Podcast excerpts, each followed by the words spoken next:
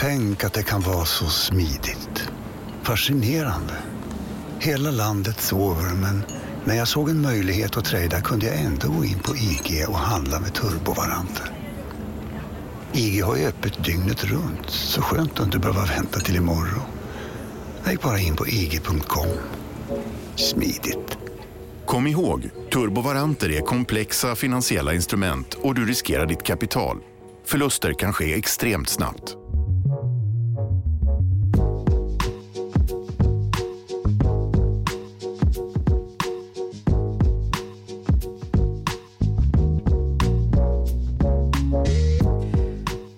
Inte sedan den stora oljekrisen 1973 hade energimarknadens omvälvning och priskaos varit ett så intensivt hot mot världens tillväxt som under våren 2022, då Rysslands överfall mot Ukraina ledde till drastiska skiften för ekonomin genom ett plötsligt kaos i olje och gasmarknaderna.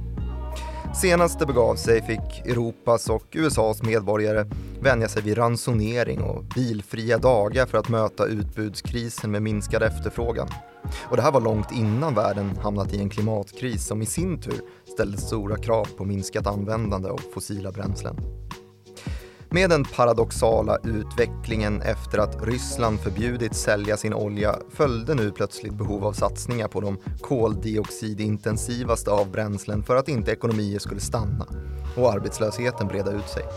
Samtidigt som FN skrek i högan sky om avgiftning från olja, kol och gas för att undvika klimatkollaps. Hur ska den till synes omöjliga frågan hanteras och när sätter ransoneringsdebatten igång? Frågar vi oss idag i ett eh, nytt avsnitt av Follow the Money, en podcast om makt, storfinans och börsen. Av med mig, programledare Martin Nilsson och utrikesredaktör Joakim Rönning. Du, eh, det var ju inte jättelänge sedan vi pratade ganska länge också om energi och petrodollar och energimarknaden, men det här var ändå värt ett, ett nytt avsnitt menar du? Ja, jag gillar ju när vi är ahead of the curve som det brukar heta i finansbranschen. Ja, det är trevligt faktiskt. Framför kurvan, alltså liksom lyfter en fråga som sen blir allt hetare och till slut är det enda man pratar om. Det är gött att vara först med det. Så och, man inte är aktuell när man släpper det? Uh, ja, lite så. Uh, vi um, pratade ju då om petrodollarn här för två veckor sedan. Just det. Det är ett avsnitt man bör lyssna på, om man inte gjort det redan. Det, verkligen. Det blir som, bra tycker jag. Ja, och som, ja. som förberedande inför det här. Ja, det med. Och när vi satt och spelade in det avsnittet, vi släppte ju det en dag tidigare än vi brukar göra. Eller ett halvt, ett halvt dygn i alla fall, tidigare mm. än vi brukar göra. För att um, när vi gick ut ur studion så var det lite uppståndelse på makroredaktionen här. Och det gällde då att Saudiarabien hade flaggat för att man kanske skulle börja sälja sin olja i yuan istället. Alltså petro-yuan då blir det ju fråga om istället. Och då för att inte just hamna efter kurvan så Ja, vi var ju fortfarande före kurvan när vi pratade om det men vi var inte Men publiceringen skedde ja, efter. Ja. Ja, nu är det inte bekräftat det, än det här att det faktiskt blir så. Men det vore ju en oerhörd händelse. Mm. Om Saudi skulle bryta den allians man har med USA på det sättet. För det vore ju ytterst, ytterst stort för hela världens ekonomi och inte minst energi och oljemarknaderna. Men sen så som angavs här i introt då så finns det ju kanske skäl också att nyansera den här frågan då med satsningar som nu krävs på, på olja och gas samtidigt som vi har jättestora behov av satsningar på klimatkompensation och um, ja, avgiftning av atmosfärens eh, koldioxidöverskott för att rädda klimatet då. Mm. Hur går det här ihop och är vi på väg åt fanders det här att, att lösa ett krig och den situation som där i har uppstått både för enskilda människor och hela världsekonomin då genom oljemarknaden och om det går att mäta den krisen med en längre kris som ju är för hela mänskligheten och om det ska behöva liksom vara så att man behöver överge den ena frågan för att ta itu med den andra. Så verkar det i alla fall på, på finansmarknaderna ju. Det här var ju oerhört fokus ja, fram till pandemin men kanske accelererade lite efter pandemin också när vi fick nya gröna överenskommelser som skulle åsidosätta stora delar av budgetar på både EU-nivå och lokala nivåer för att eh, öka den här satsningen ja. och spida på det. Och det såg vi ju på rusning i alla gröna aktier som fanns i princip. Alla ville köpa allt under sju, åtta, nio månader kanske på sin höjd. Mm. Eh, men den toppen är egentligen inte den har inte återkommit sedan dess utan det har bara rasat. Ja, det har gått helt åt fanders för alla typer av gröna investeringar.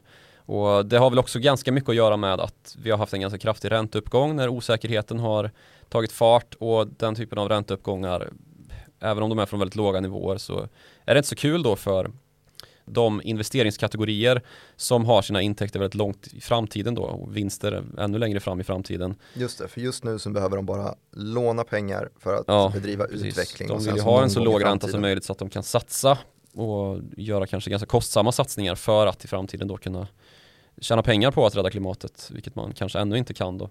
Mm. Där har vi ju, eh, jag kollade lite grann innan vi gick in här i alla fall, Eolus Vind är en sån här som många äger, den är minus 50% på ett år.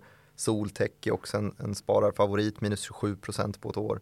Örstedt, stort företag, minus 20%. Och um, kollar man lite mindre bolag, Minesto till exempel, den kostar en tredjedel av vad den gjorde efter toppen sommaren 2020. Ja. Och i andra änden så har ju, ja jag vet inte riktigt, det var väl otroligt mycket mer intressant att investera i Africa Oil, Chamaran, mm. Equinor, Lundin Energy, Chevron, Exxon alla de här är, Africa Oil Chamaran är över 100% upp. Så kallade ohållbara investeringar? Ja, men de är hållbara svarta. på kort sikt då. Ja. Um, upp 100%. Equinor som är ett gigantiskt företag också där, där omkring plus 92% när jag kikade nu. De här mm. Eh, andra bolagen, Lundin Energy, Chevron, Exxon, de är mellan 40 och 60% upp ungefär på ett år. Mm, men det har vi också sagt i något tidigare avsnitt att anti-ESG-investeringen är ju stark nu. Man ska äga vapentillverkare och eh, oljebolag. Ja men det är väl ganska, ganska rimligt också när en, ett oljepris ligger på 120 dollar för en, ett fat bränt. Ja. Man ser ju var pengarna hamnar. Ja, det är inte så konstigare än så egentligen. Man mötte de här krigsinsatserna med att uh, inte skjuta skarpt utan istället gå på med ekonomiska sanktioner och Ryssland fick inte längre sälja sin olja hur som helst. USA införde importstopp, Kanada införde importstopp, flera andra länder, Storbritannien. Ja, så det blev allt svårare och det försvinner ju utbud ur marknaden och det, då sticker priset ganska duktigt. Mm. Samtidigt så har inte OPEC varit så sugna på att skruva upp kranarna heller. De tycker ju att det är rätt gött att ta bra betalt också såklart, OPEC-länderna. Självklart. Du, jag läste ju i introt här, så drog jag paralleller till eh, oljekrisen 1973. Mm. Kan inte du förklara lite grann vad som hände då? Ja, men det är dit vi får gå då för att hitta en liknande krigssituation som har lett till den här typen av kraftiga påverkan på eh, oljemarknaden. Och då rörde det sig alltså om ett krig mellan en allians av arabländer med Egypten och Syrien i spetsen som då förklarade krig mot Israel som eh, stöttades av flera västländer. Och att västländer då ställde sig bakom Israel och dess, ja, indirekt dess förtryck av Palestina ledde då till att Gulfstaterna, de eh, islamska Gulfstaterna gjorde ett diplomatiskt uppror och vägrade att mätta västländernas efterfrågan på olja då. Så då höj, höjde man eh, samtidigt priset på råolja med 70% i ett enda slag då efter ett beslut. Och det utlöste en total energikris som fick stora konsekvenser för hela världsekonomin. Det här är ju en, en väldigt känd händelse naturligtvis som fick konsekvenser i var mans vardag. Och det hela förvärrades då ytterligare i och med att det skickades ett gensvar från USAs president Richard Nixon som inte ansåg det lämpligt att backa. Ehm, så han skickade nya miljarder i militärt stöd till, till Israel. Vilket då sedermera ledde till ett totalstopp av oljeleveranser från Gulfstaterna, Libyen och Algeriet. Och här bildas ju OPEC, Organization of Petroleum Exporting Countries. Som därefter skär oljeutbudet ytterligare. Man bestämmer att det ska vara 25% av den nivå som rådde innan den diplomatiska krisen bröt ut innan det så kallade Jom Kippur-kriget då mellan Egypten, Syrien och eh, Israel. Så bara på någon månad så försvinner 75% av utbudet ur oljemarknaden och några månader senare så höjs priset ännu en gång med över 100% och den totala ökningen i råoljepriset på marknaden har då gått upp med 400% på två månader. Mm. Så då kan man ju bara ganska snabbt förstå att det här ledde ju till en sjuk utveckling i, i drivmedelskostnader hos världsbefolkningen än vad den har gjort nu. Särskilt då i länder som inte producerar egen olja.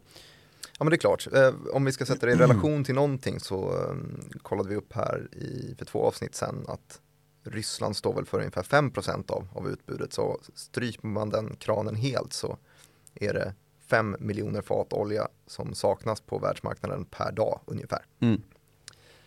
Men det som inte finns med i den ekvationen är just att att eh, det också pågår en klimatkris. Att det hela tiden har funnits det här trycket att avveckla.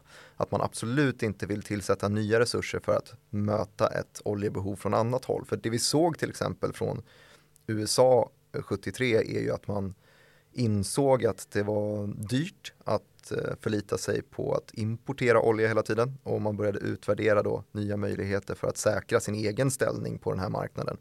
Eh, och det gjorde man på ett par olika sätt men till exempel ledde det så småningom fram till att man utökade och kom fram till skifferproduktionen som man lutar sig mot idag. Ja precis, blev en nettoexportör av olja plötsligt och ja, importerade mindre än vad man exporterade det är ju inte riktigt ett alternativ, i alla fall som, som kan förankra sig politiskt i typ Sverige idag, att försöka eh, hitta den typen av produktioner. Nej, knappt i USA heller, där man ju precis har liksom skickat fram Joe Biden som vinnare i presidentvalet med hans Green New Deal som ju lite grann eh, hamnat på dekis, mm. inte så lite.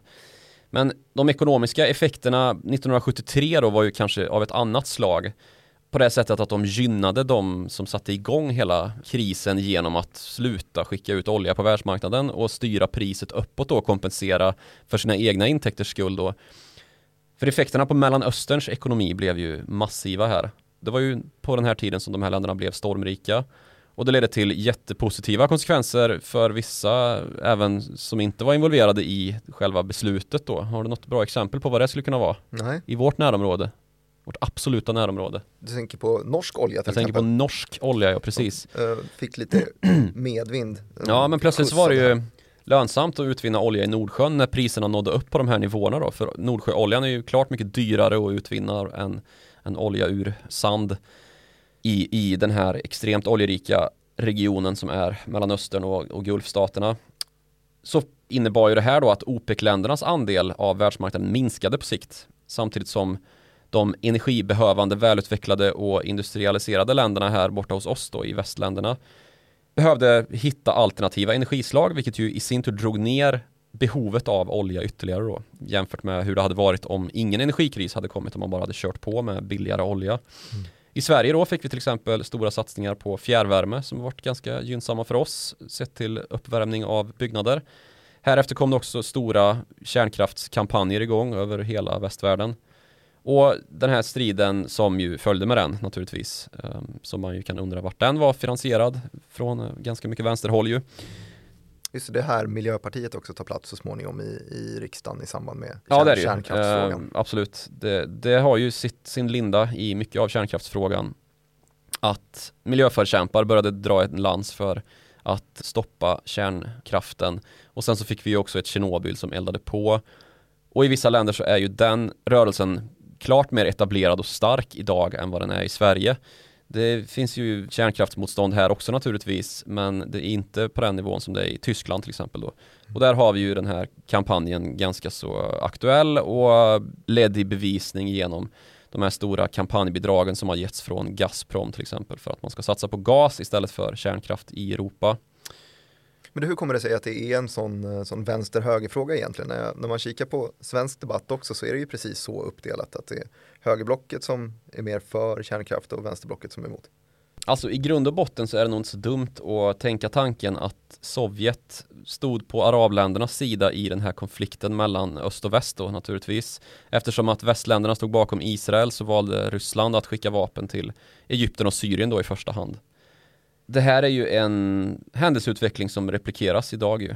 Sen så kanske det inte fanns något direkt orsakssamband mellan kärnkraftsutvinning och oljeexport på samma sätt som det gör idag då när, när Ryssland har gått och blivit en maktspelare i olja på ett sätt som Sovjet inte var på samma sätt på den tiden jämfört med vad det blev senare då när man började satsa på oljeutvinning på ett helt annat sätt och göra Ryssland till en energiterrorstat liksom som har skaffat sig överhand mot grannländer eller inte bara grannländer utan också då i hela Europa genom sina naturresurser. På samma sätt kan man ju se då att det fanns en orsak till att inte väst skulle säkra sin energitillgång på egen hand. Då. Och sen så kom ju Tjernobyl-katastrofen som ett brev på posten och det är inte så att man ska vara så konspiratorisk att man ska hävda att det var en planerad katastrof. Det var det naturligtvis inte. Men det var ju inte svårt att utnyttja den händelsen för att Europa började avrusta sin kärnkraft istället för tvärtom då. För ta Frankrike till exempel som ju har fortsatt sin eh, utveckling av kärnkraften. Den rörelsen drog ju naturligtvis igång här. Man började utveckla ett nätverk av kärnkraft som, som fortfarande är det största i, i Europa, eh, Västeuropa i alla fall. Ukraina har ju också väldigt mycket kärnkraft. Och då nådde man bara i Frankrike alltså en tredjedel av den långsiktiga plan som man, eh, som man hade satt upp då för att helt göra sig fri från de här eh, auktoritära länderna inom OPEC då och deras makt över oljemarknaden. Men sen så finns det ju då eh, också härifrån skäl att börja prata om ransonering, för det var ju också ett sätt att möta krisen. Och i Frankrike så mötte man den eh, utbudsbrist som plötsligt uppstod då med att sänka lagstadgad inomhustemperatur i offentliga byggnader som skolor, kontor och allmännyttiga bostäder till 19 grader. Och här finns det då data som internationella energimyndigheten IEA nu har publicerat som visar att om EU skulle göra samma sak idag så skulle vi spara 20% av blockets gaskonsumtion utan någon vidare kostnad från Ryssland då. Alltså vi skulle banta vårt energibehov av eh, rysk gas med 20%. Så jag ser väl det här som en ganska så viktig fråga att rycka lite i nu om man, om man ska, ska vara framför kurvan. Men menar du att det, det skulle kunna bli aktuellt med någon form av ransonering? Det har vi ju tidigare sett och pratat om från kinesiskt håll till exempel. Mm. Vill du uppdatera oss på, på hur det blev där? Ja, där var det väl så att det är väl kanske en av de lite större skillnaderna mellan marknadsekonomier och en någorlunda styrd ekonomi där man helt enkelt hade en stor brist på kol var det väl i deras fall för att driva deras industrier vidare. Och då ja, precis. Man, kunde inte, man, man har inte brist på kol, man kunde inte utvinna och framförallt inte leverera i tillräckligt hög takt då. Kolet nådde inte fram till de fabrikerna där det skulle användas. Nej, precis. Um, eller de, de, de, de, energi, de energikraftverk. Ja, de kraftverken som skulle använda kolet fick ja. inte kolet, vilket ledde till en energibrist och, kunde, och så kunde man inte driva de här fabrikerna. Uh, och det gjorde att man bara fick ha fabrikerna öppna under vissa timmar eller vissa dagar. Mm. Ja, precis. Det här leder ju till svåra ekonomiska effekter när man behöver stänga av energi och därmed stänga av industrier eller liksom ransonera ut energi så att det når de allra viktigaste installationerna först. Liksom. Men det här är också någonting som jag tror att tanken har svårt att vandra till för att man är så van vid att snacka utbud efterfrågan. För att i en marknadsekonomi så finns ju samma automatiska reglering och det är ju då genom högre priser bara.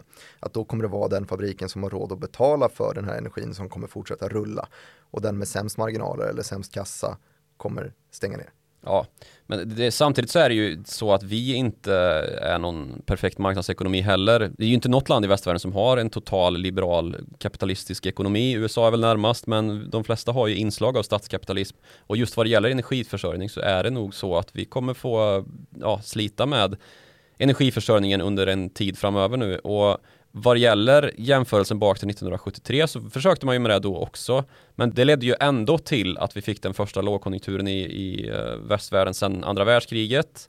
Att nya allianser och fiendskaper eh, tillkom och uppkom och att den värld vi har idag då i mångt och mycket tog avstamp i den här brytpunkten. Alltså att Mellanöstern blev rikt och började beväpna sig, att inflationen skenade, vi fick stagflation, Bretton Woods löstes upp, guldmyntfot försvann. Vilket möttes då med den här internationella petrodollarreserven som man ju ändå får kalla det och som fortfarande möjliggör det amerikanska kreditsystemet och gör dollarn till världsvalutan.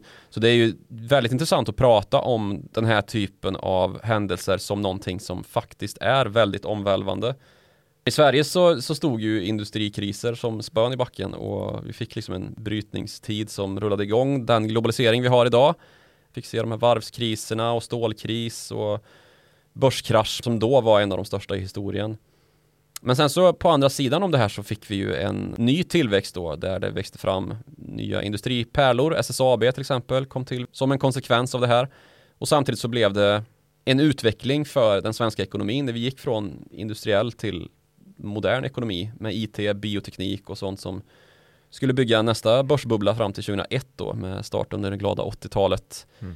Så här, här övergav vi ju liksom vår um, arbetarekonomi och blev tjänstemän istället. Och nu kanske vi kan sluta motivera varför vi gör det här avsnittet. Jag tror folk har fattat.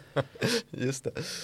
Men så i sig är ju ganska klart då vad vi, vad vi pratar om. Allt skulle bli grönt, klimatkrisen var eller är fortfarande total men plötsligt så infann sig känslan av att det inte ens var värt att försöka göra ekonomin grön när kriget bröt ut, i alla fall inte om man tittar på börskurser.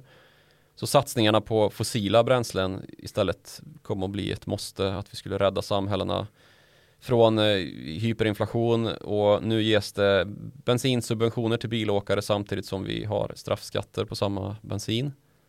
Um... Ja men det här är ju lite vad det kostar med inflation. För att det är ju, i sig så är det ju teoretiskt ingen fara om inflationen ligger på 5 eller på 7 procent. Alltså det var en godtycklig nivå, den här 2 nivån som man, som man valde. Men det är väl skiftena i den när det går för fort som gör att bolag får likviditetsproblem och konkar, att människor ja, får detsamma problem utsätts de för, torskar jobb, torskar bostad, vilket är väldigt dyrt för ekonomin, vilket betyder att staten behöver kliva in och jämna ut kurvan genom då olika typer av kompensationer, vilket i sig också såklart eldar på inflationen, för det är ju i någon mån gratispengar som, som skickas ut. Jag såg till exempel eh, Quebec eh, gjorde ett ingripande, ska skicka ut till alla som tjänar under 100 000 dollar i, per år, får 500 dollar i någon form av bidrag för att eh, klara av effekterna av inflation.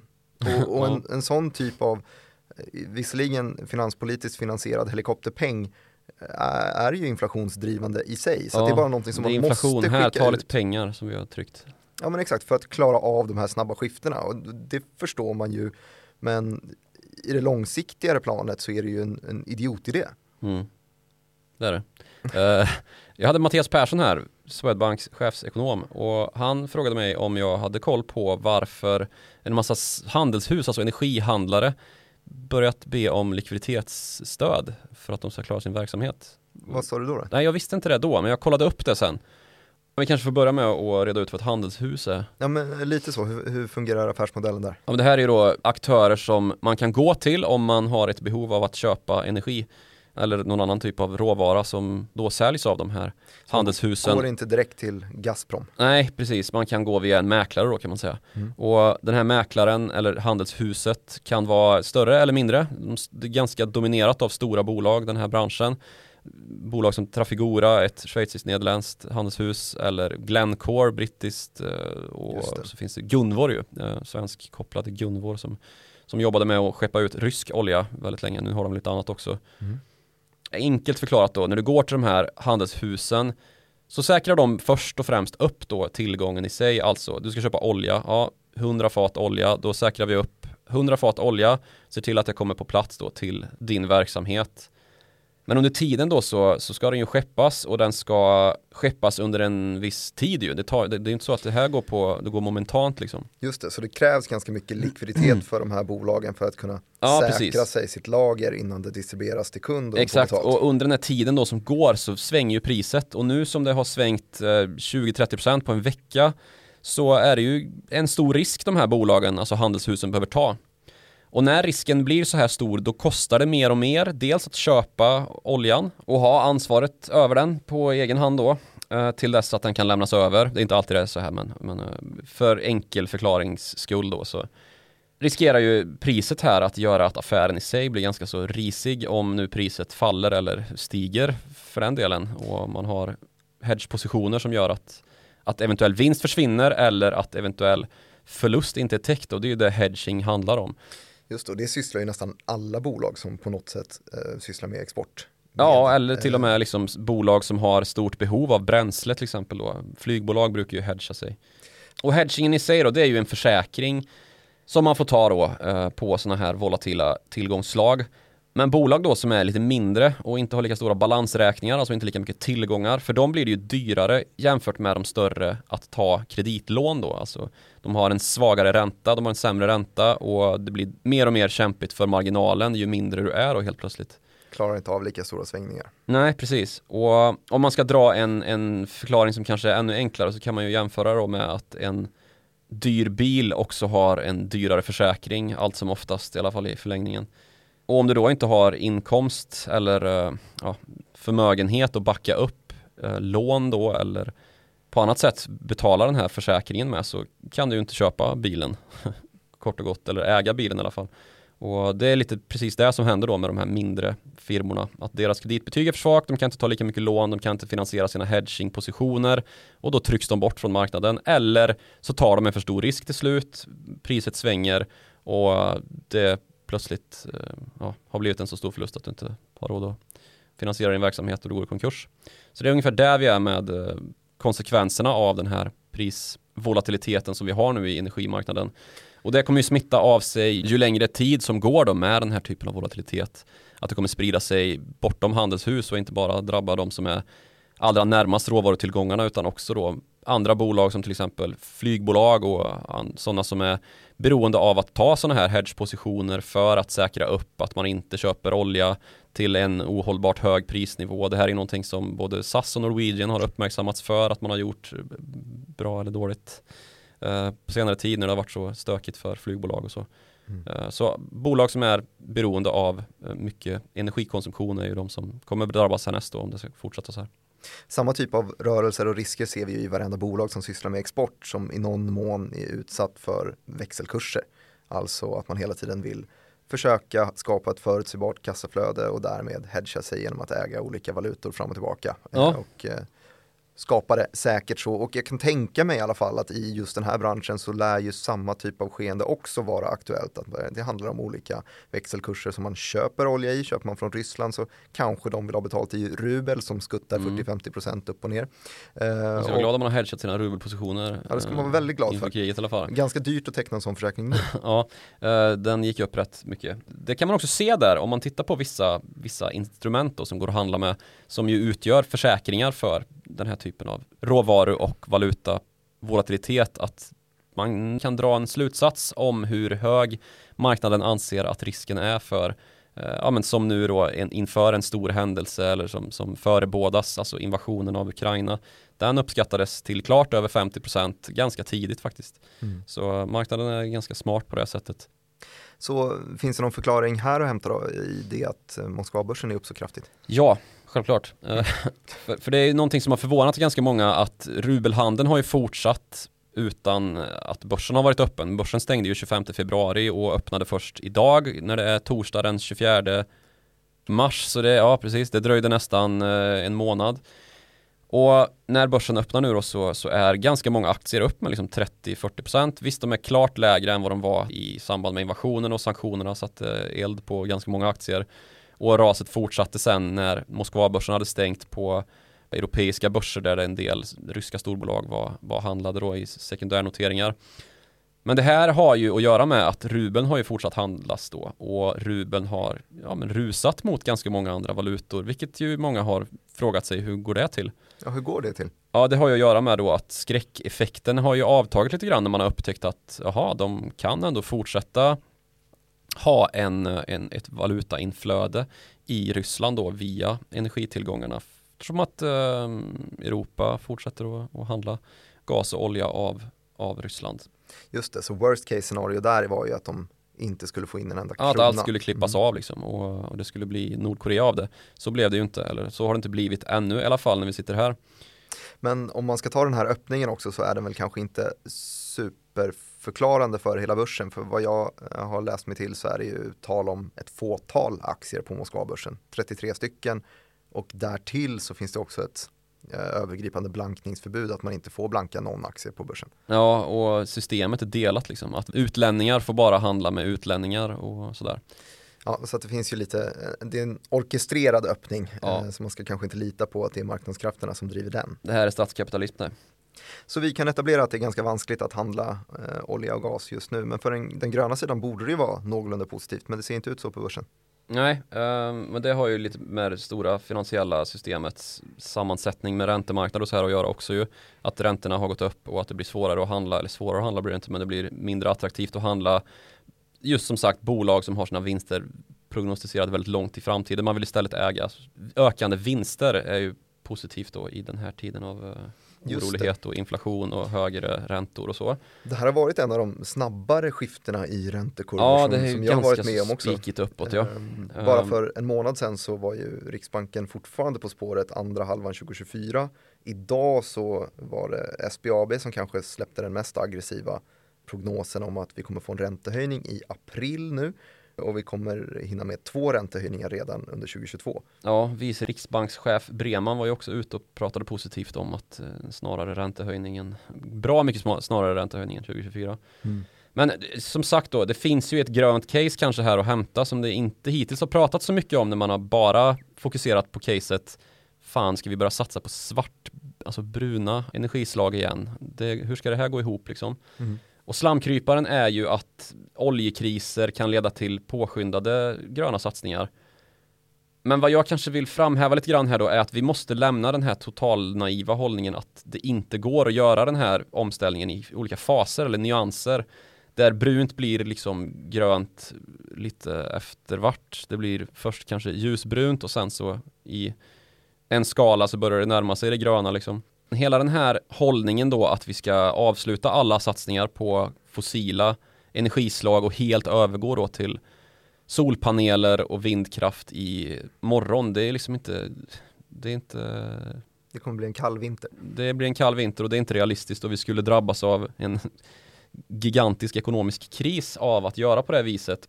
Så det, man får foga sig till den verkligheten och som sagt lämna den, den naiva hållningen och gräva där man står istället. Och lite grann också sätta upp mål då som möjliggör att man faktiskt satsar på rätt saker.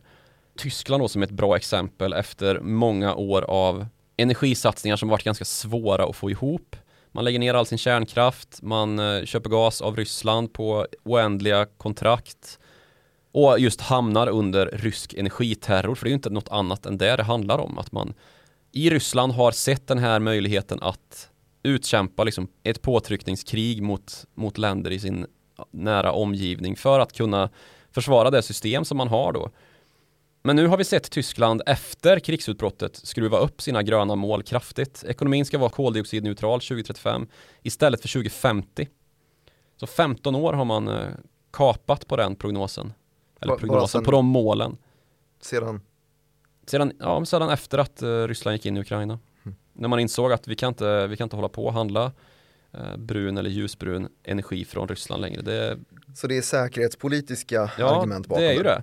Och det är ju någonting som lite grann har fallit i glömska då, att energiförsörjningen är alltid den livsnerv som, som man eh, i totalitära stater försöker tillskansa sig. Vi ser ju samma tendens i Kina då, från Kinas sätt, där man har roffat åt sig hela solenergimarknaden genom att ge jättestora statliga subventionspaket till och bygga en industri helt enkelt. Och där hela den övriga världens solpanelindustri, alltså tillverkare av solpaneler har ja, blivit liksom eh, strypta, precis som mindre handelshus i eh, råvarusektorn, genom då att det blir helt marginalmässigt omöjligt för dem att konkurrera när det finns så stora statliga stöd då. och sen så försvarar Kina det här med vadå, vi vill ju bara, vi vill bara, vill bara skapa en koldioxidfri värld. Det gör vi ju tillsammans med väst. Men problemet är ju nu då att det blir ett diplomatiskt väldigt bekymmersamt läge för väst då. När man sitter i knät på Kina för att ha en säkrad tillgång till, till billiga solpaneler eftersom att man inte har utvecklat den industrin själva. Samtidigt som man riskerar att få gå med på krav då som, som Kina ställer som är helt uh, otänkbara sett till demokratisk världsordning då. Men det vi har här istället då är väl i så fall vindkraften. Ja, men för att kunna utveckla vindkraft så behöver vi Kinas jordartsmetaller. Så det här, det känns ju så här i efterhand som väldigt, väldigt välkalkylerade beslut. Och jag tycker mig också se en del tecken på att Europa och den demokratiska delen av världen då även med Japan, Sydkorea och andra teknologiskt välutvecklade länder i förarsätet vad det gäller en del andra eh, delar av energimixen som ska eh, komma att bli den vi nyttjar oss av då i fråga om vätgas. För vätgas är ju någonting som nu det står en ganska stor kamp mellan Kina och eh, västvärlden även inkluderat Japan och Sydkorea då, där man försöker verkligen ta makten och bli världsledande på att framställa energi eh, genom vätgas och att eh, liksom producera själva vätgasen i sig då. Dels genom eh, naturgas men också genom grön framställning då. Och dessvärre så är ju solpaneler ganska viktiga i den framställningen. Och i Europa då så försöker man istället genom att vara världsledande på vindkraft i projekt som drivs av bland annat Vestas och Siemens Gamesa och de stora energibolagen och skapa turbiner som klarar av att framställa vätgas genom den här elektrolysprocessen då som man försöker få till eh, inuti själva turbinen. Att själva vindkraftverket framställer vätgas på ett grönt sätt då. För den här processen, elektrolys, är ju högst energikrävande och om man låter den processen ske med fossila bränsleslag så, så blir det ju inte grön vätgas utan ja, brun vätgas Någonstans eller blå vätgas som man kallar det. skalan. Mm. Ja, precis. Så det här är någonting som jag tycker att folk i allmänhet har för lite koll på. Hur mycket energin spelar roll för att uppnå världsherravälde och få genomslag för sina politiska idéer och kunna utpressa sina motståndare då i, i det diplomatiska fältet genom att säga ja ja, men då får inte ni köpa någon gas eller några solpaneler eller i förlängningen då någon vätgas. För att vi sitter på den tekniken ju, vad ska ni göra åt det? Precis på samma sätt som väst använder sina halvledare och sina um, andra högteknologiska komponenter då mot Kina och Ryssland just nu. Mm. Som att lägga sanktioner och handelsembargon på vissa viktiga varor då så att det hämmar utveckling av ekonomiskt väldigt väsentliga delar som behövs i ett, ett välutvecklat land då för att utvecklas och nå tillväxt och välfärd. Och nu har vi bara pratat om, om risken med att Kina använder sina solpanels, sin solpanelstillverkning och sina jordartsmetaller. Och det har det varit uppe på tapeten lite grann redan i det handelskrig som utspelade sig mellan 2016 och 2020 och som väl har fått lite vapenvila men som fortfarande ja, är ett handelskrig måste man ju säga. Detsamma gäller nu mellan Ryssland och Europa och om vi går tillbaka så är det ju precis det här som hände 1973. Ett, eh, ett krig som utvecklade sig genom ekonomin då, där västvärlden plötsligt stod med stagflation och lågkonjunktur för första gången sedan andra världskriget på grund av energimarknaden. Så det här är ju farliga saker. Men det här är ju någonting som i alla fall Sverige har någorlunda uppmärksammat på sistone. Vi har ju en ny näringsminister som verkar vara sugen på att klubba igenom nya gruvor. Vi fick ju ett godkännande för bearbetningskoncessionen för Beowulf, det lilla Spotlight-noterade bolaget som väl har försökt få tillstånd att eh, göra gruva uppe i Kallak i tio år eller något sånt där. Ja. Fick de äntligen igenom första steget, var de glada för och det var många som inte var glada för det. Men det hände i alla fall någonting där. Vi har ju liknande typ av nya gruvprojekt både i, i Sverige, i Gränna har vi väl någonting till exempel Mm. eh, och sen så nere i, i övriga delar av Europa som just då försöker targeta de här. Ja, och liksom Eh. komma åt jordartsmetaller som ju är så viktigt i den här typen av grön teknik, alltså grön energiutvinning. Just för att tillverka transmissionssystem och batterier och sånt här.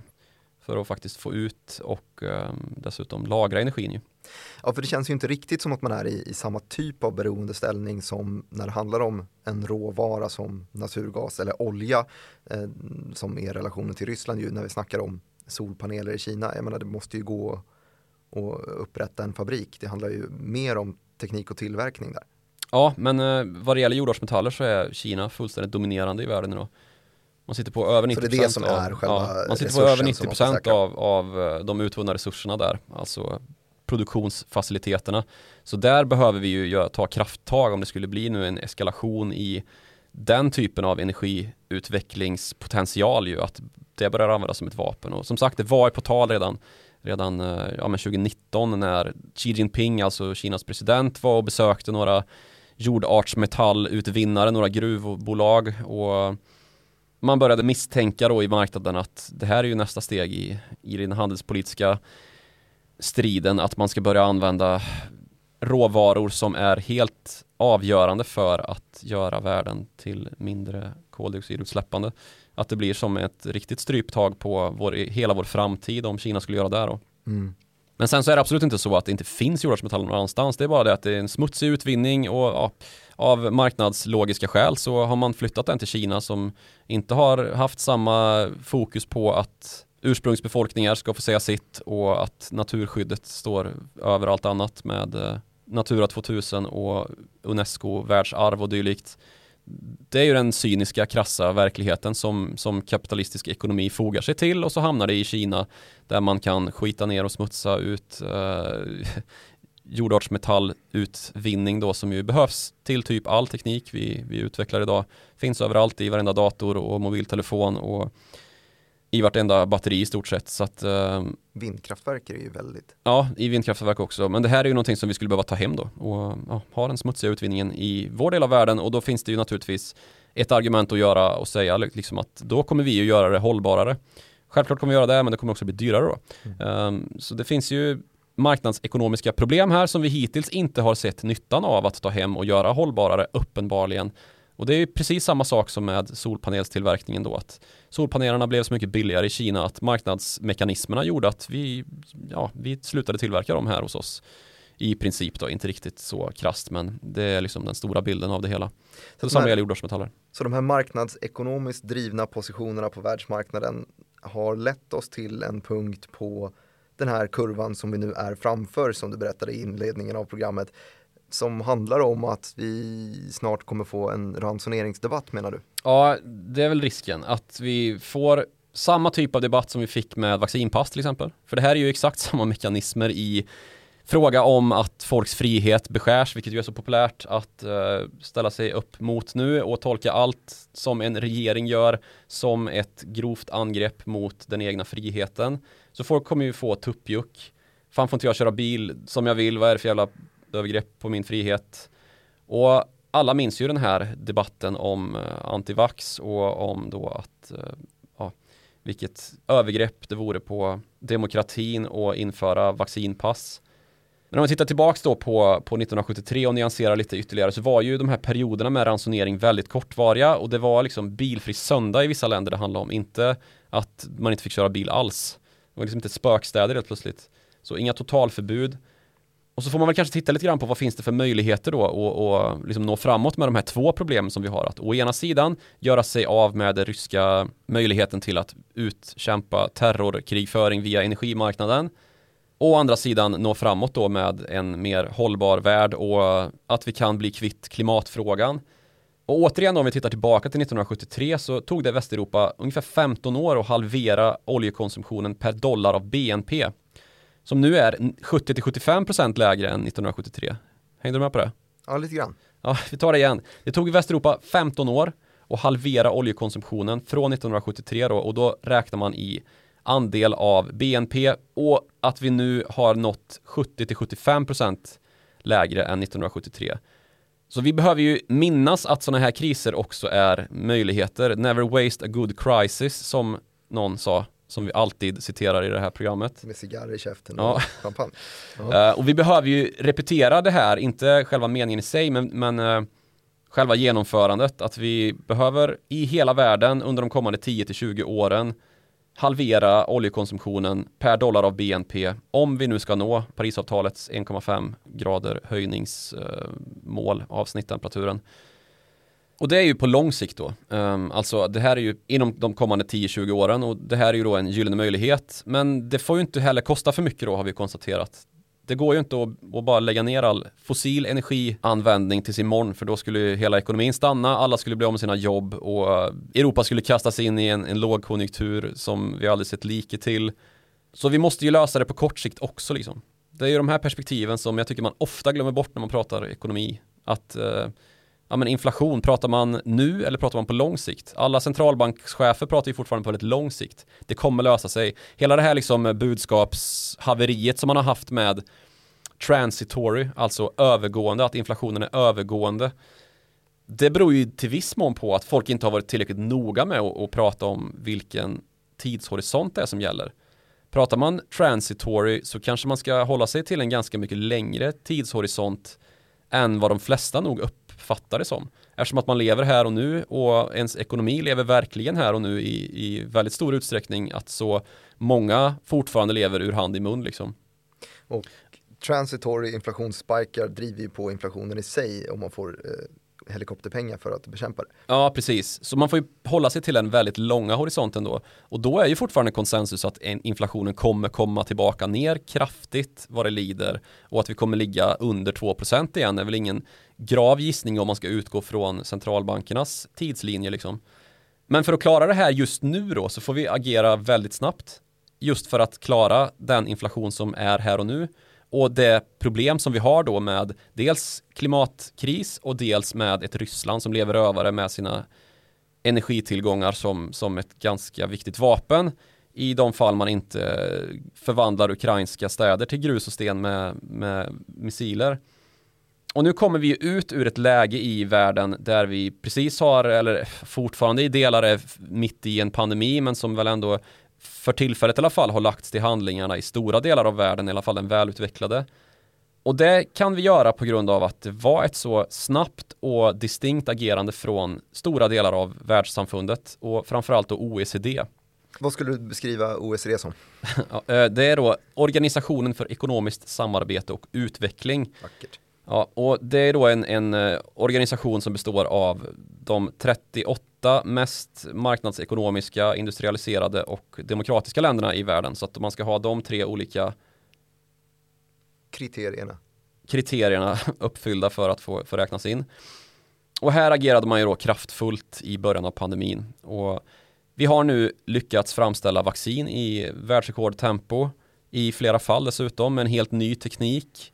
En teknik som man inte haft tillgång till i Kina som det tog klart mycket längre för att framställa vaccin. Samma med Ryssland och deras Sputnik 5 som ju inte har visat sig vara alls lika bärkraftigt för immunologisering på längre sikt.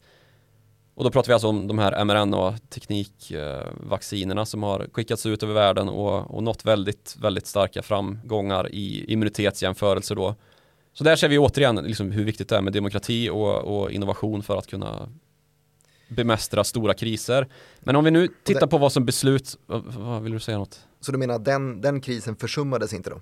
Nej, absolut inte. Nej, nej, då fick man ju verkligen se vilka som kunde betjäna färg när det väl gällde. Och nu menar jag kanske inte att liksom, Kina har misslyckats med att tämja krisen.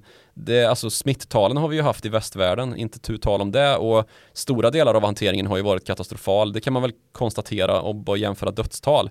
Men Kina har ju gjort stora, stora nedstängningar av väldigt många städer och där är ju liksom loppet långt ifrån lika långt gånget som det är här i västvärlden just nu eftersom att de här karantänerna ledde till att man inte har samma immunitet då som vi har här i väst efter att ha genomgått det här och efter att ha fått ut vaccinerna så här snabbt med hjälp av en ny teknik, alltså innovation. Så det behövs ju fortsatt innovation naturligtvis och dessutom så krävs det den här typen av snabba beslut då. För då kan vi möjliggöra för länder som Norge till exempel, som ju är ett land som är välartat sett till just OECD-kriterierna och vår typ av världsbild och andra dylika länder då att skeppa den naturgas som finns och som behövs i Europa, alltså utöka så att vi kan fylla på våra lager nu. För gas och gasnyttjande är ju, det är ju en konsumtion som är väldigt säsongsbetonad. Den behövs ju i stort sett bara på vintern eftersom att det är så mycket som går till uppvärmning. Och om vi då kan få till så att eh, Norge kan anpassa sitt utbud så kommer vi inte behöva lika långa ransoneringsperioder eventuellt eller hur vi nu löser det. Och vi kommer kunna bygga maximala lager så att vi kan gå in i nästa vinter utan att riskera att ekonomin stannar. För det kommer ju bli ett stenhårt slag mot BNP. Och att bli av med Ryssland kommer ju bli mycket dyrare då. Framförallt för länder som är välindustrialiserade, såsom Tyskland till exempel. Det blir inte alls lika dyrt för länder som har en större del av ekonomin som är tjänsteorienterad, typ Storbritannien, som ju inte är beroende av gas eh, på samma sätt, framförallt inte rysk. Men vi får nog ställa in oss på att det kommer slå mot BNP det här alltså. Och vi pratar ju procent av BNP-tillväxt som rakas av. Det har vi redan konstaterat i de prognoser som har kablats ut från eh, olika prognosinstitut. Men samtidigt så är ju det någonting som vi kan ta igen senare och att jämföra med alternativet då och fortsätta riskera att behöva duka under för att Vladimir Putin bestämmer sig för att han vill krossa demokratin i ett grannland. Det kanske kan vara värt det, tänker jag, och slippa liksom låta Ryssland hållas och vara det största hotet mot demokratin och Europas säkerhet på sikt. Att ta den här kostnaden nu då. Men det stora problemet här är väl att eh, Norge producerar för, för fullt men det räcker ändå inte till för att försörja hela Europa. Nej, det är problemet. Men man får ju hitta andra lösningar också då. Det går väl säkert att på marginalen hitta sätt att, att utvidga Norges utvinning. Men sen så finns det ju också LNG-faciliteter som man får hitta lösningar på och där kommer ju innovationen återigen in då, för vi saknar ju den rörledningsinfrastruktur, alltså pipelines som behövs för att skeppa in eh, gas i flytande form då från länder som Qatar till exempel eller USA som är stora på LNG, liquid natural gas där det behövs då att du tankar in den i en hamn och sen så skeppar ut den i, dit den behövs. Men här måste ju också innovation då komma till. Vi måste hitta en lösning på det också då. Och det är ju inget land eller ingen region eller inget statsskick i världen som är lika lämpat som länderna i OECD att göra just det. Så never waste the good crisis. Nej, och never waste en god torsdag också. Det var ju skönt att vi fick till det här extra avsnittet, eller vad ska man säga? Nej, jag tycker vi, jag har haft ett dåligt samvete efter att jag hade covid och det var några avsnitt som brann inne där så vi får se det här som ett ordinarie tycker jag. Ja. Det här blir 107an. 107. Japp. Härligt. Eh, vi är ju tillbaka igen ganska snart, men tills dess så går det ganska bra att höra av sig på mejladressen som är followthemoney.direkt.se och man ska ju också följa oss på Twitter där du heter snabbla Joakim Ronning och jag heter snabbla direkt Martin. Tack så mycket för att ni lyssnade på det här eh, extrainsatta avsnittet som då blev 107 och eh, så är vi tillbaka med avsnitt 108 nästa vecka.